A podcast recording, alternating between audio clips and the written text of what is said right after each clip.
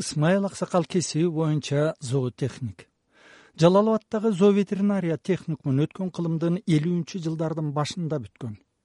Орто билимдүү адис эмгек жолун өзгөн районундагы яссы совхозунда баштап чарбада түрдүү жооптуу кызматтарда иштеген. Ал эми кыргызстан төбөлсүздүк алган алгачкы жылдары айыл өкмөтүнүн төрагасы болуп шайланып бир мөөнөт иштейт.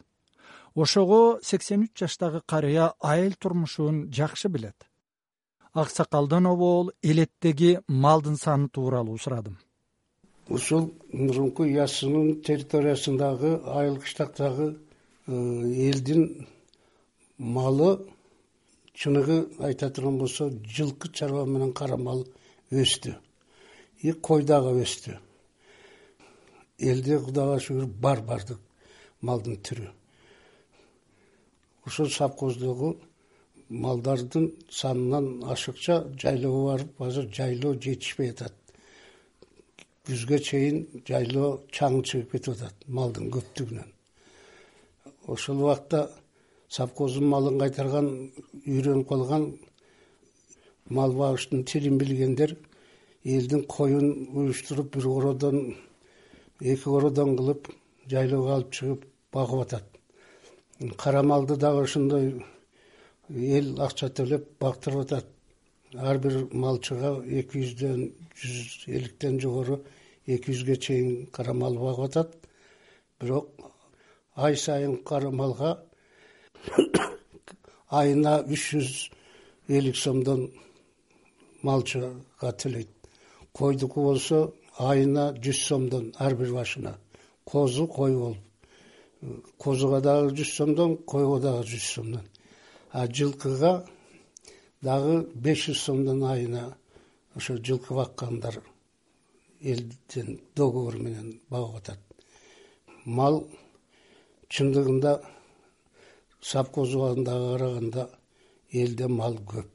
Вет врач менен зоотехниктин функциясы эки бөлөкпү?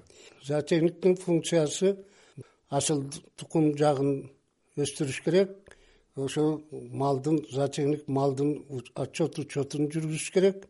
Ал эми ветеринарный врач э, касалдарын дарылаш керек. Ушу экөөнүн айырмасы ушунда эле.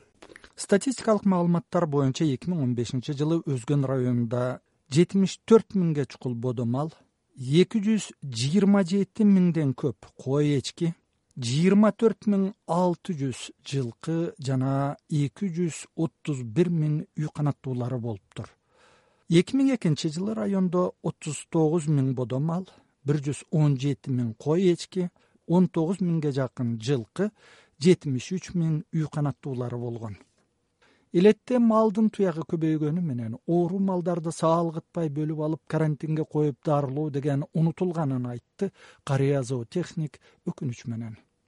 Азыр зоотехник деген штат дагы жок. Ар бир айыл өкмөттө вет врач деген штат бар. Айылда бирден диплому бар вет врачтар ушу жанакы жылда э, болуп аткан инфекционный ооруларга прививка укол эмдөө иштерин ошолор жүргүзүп атат.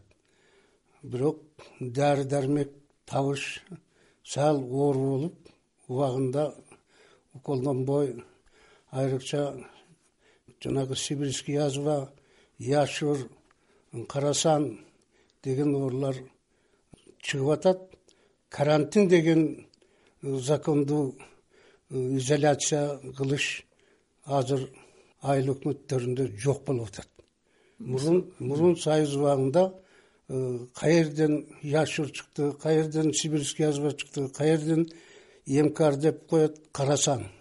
Чыккан болсо сразу ошол жерде карантинировать этип адамды дагы э, башка сырттан малды коштурбастан карантин кылып изолировать этип тез аранын ичинде э, жуктурбастан коргоп калат эле да. Жугуштуу оорулар болуп атат болуп атат чыгып атат. Азыр ачыгын айтканда контролду кылган почти эч ким жок. Мисалы биз өзгөн районунда мал базар болот. Мал базарга ар бир базар күнү буягы жалал абадтан буягы баткенден бuyагы алай советтен малдар келет касалы дагы аралаш келет сатылат. Ал касал барып туруп ошо ким алган болсо ошол айылдыга жугузуп атат. Ушул контролдук жок. Мурун союз убагында доктурдан справкасы жок. Сельсоветтен учеттон чыгарылгандыгы сатылат деп справкасы жок. Келип мал сатылбайт болчу. Азыр андай справка андай документти эч ким сурабай атат карыя зоотехник ысмайыл мурзабаевдин ибараты деген бирүүнү угуп жатасыздар. Ысмайыл аксакал элетте ушул тапта малды асылдандыруу жана тукумун жакшыртуу боюнча иш жүргүзүлбөгөнүн да белгиледи. Селекциялык иштер болгон искусственное осеменение деп кой чарбасында жасалма уруктандыруу кара малда жасалма уруктар госпиталем станция иштейт эле.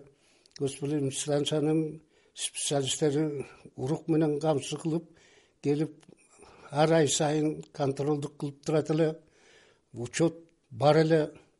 Кайсы уй кайсы буканын уругу менен куудурулду качан тууйт деп бүт карточка менен жүрчү.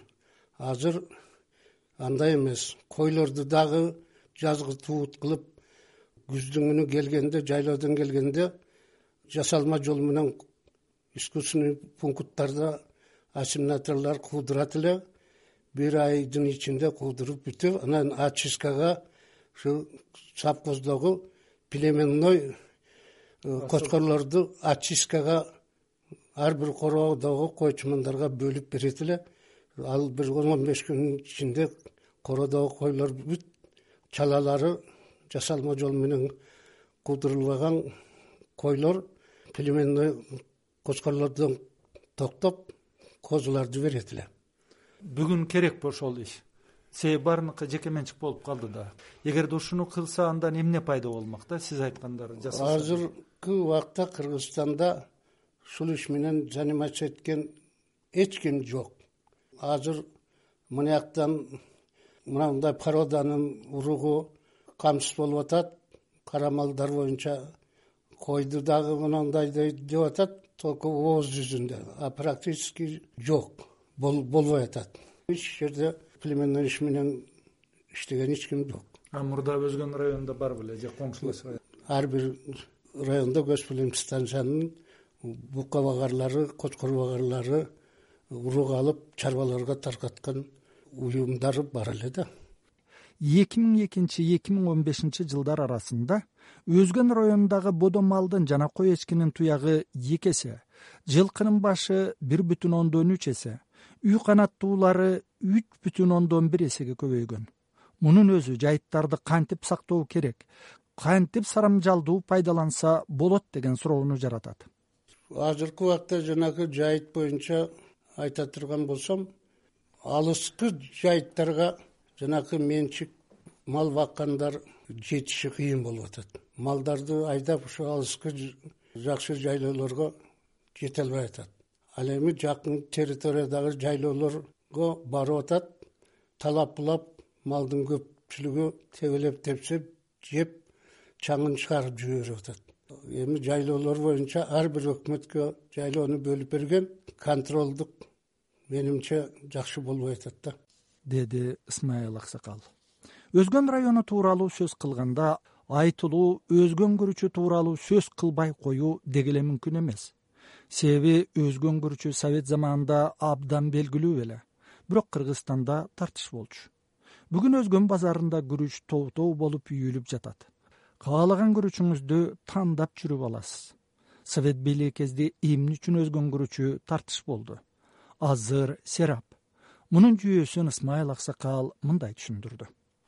Мурун союз баарында Э, чарбаларга ар бир культуранын эгиндин түрүн э, плановый э, задание берет эле ал эми шаалы өзгөн күрүчүн себиш боюнча таштак жерлерди берет эле ошол таштак жерлерге себилип күрүч алынат эле ошо совхоздун ар бир бөлүмү берилген планды аткарып ошону өндүрүп ак жубазга актап складка тапшырат эле ал эми азыр союз ыдырагандан бери күрүчтүн сорту да бузулду. Э, экинчиден жалаң эгин буудай жүгөрү э, беде өскөн жерлерге шалпая болуп кетип контролдун жоктугунан күрүч көп айдалып кетти. Көп элде кымбат акчасы акчасы өтүмдүү акчага өтүмдүү деп жердин баардыгына сапаттуу жерлерге дагы шалпая кылып шал эгип азыр шалы көп болгондуктан арзандап дагы кетти сорту дагы бош бузула баштады. Ушинтип өзгөн күрүчү сал начарлап кетти. Баасы. Ысмайыл аксакал да совет өкмөтү кыйрагандан кийин жээренчи айылында өзүнө үлүшкө тийген жерге шалы тигет ошого күрүч өстүрүүнүн көйгөйүн жакшы билет. Э, союз ыдырагандагы үлүшкө деп берген жерге эл катары шалы эгебиз да. Эгин эгиш боюнча конкретный э, жетекчилерден мынабу жерге мынауну эк мынабу жерге мынауну эк мынабу сортту эк деген указание болгон жок.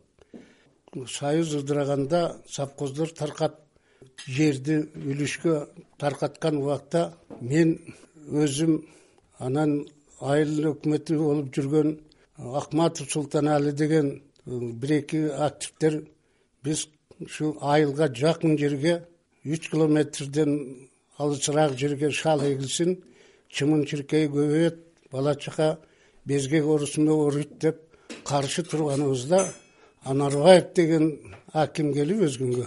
Элдин арасында эл каалаган пулга өтүмдүү эгинин эге берет эге берсин деп уруксат берген ошол чогулушта мен катышканмын. Ошондон бери тийген үлүштөгү жерине каалаган эгиндерин азыркыга чейин эгип атат анан чиркей көбөйгөн турбайбы анда? Чиркей толуп атат кечиндеси жанагы пашаканасыз жата албайт балдар. Түнү менен талайт. Пашаканасы барлар өзүн коргоп калат. Пашаканасы жоктор таланып безгек болот. Демек мурда бул проблема жок болчу экен да? Мурун эми айылдан алыс сайдын боюндагы таштак жерлерге эгилчү да шалылар мындай жүгөрү буудай бедеседе эгилбей турган болбой турган сайларга эгилчү эле да шалпая кылып шалыны азыр эми баардык жерге эле шал эгилип кетти да. Деп аяктады сөзүн кызыл төгөрөк бетинде чоң көздөрү балбылдап күйгөн карыя. Анан келерки жылы жээренчиге сөзсүз кел. Шалы кандай өскөнүн көрсөтөм деп сүйлөшкөнбүз. Тилекке каршы ысмайыл мырзабаев аксакал демдүү күчтүү эле жүрүп алтынчы январда жүрөгү кармап дүйнө салганын эшиттим кайниси муканеке алыкуловдон ысмайыл аке мен үчүн айылдык асылзат карыялардын нагыз өкүлү эле. Арыкты суу жырып кетсе сөзсүз токтоп жыртыкты бүтөгөн. Кимдир бирөөнүн тамарка жерине мал кирип кетсе чапчаң жүгүрүп барып айдап чыккан. Жамандык болгон үйдөн кыйгач өтүп кете албаган санжыргалуу адам катары калды. Ысмайыл аке менин эсимде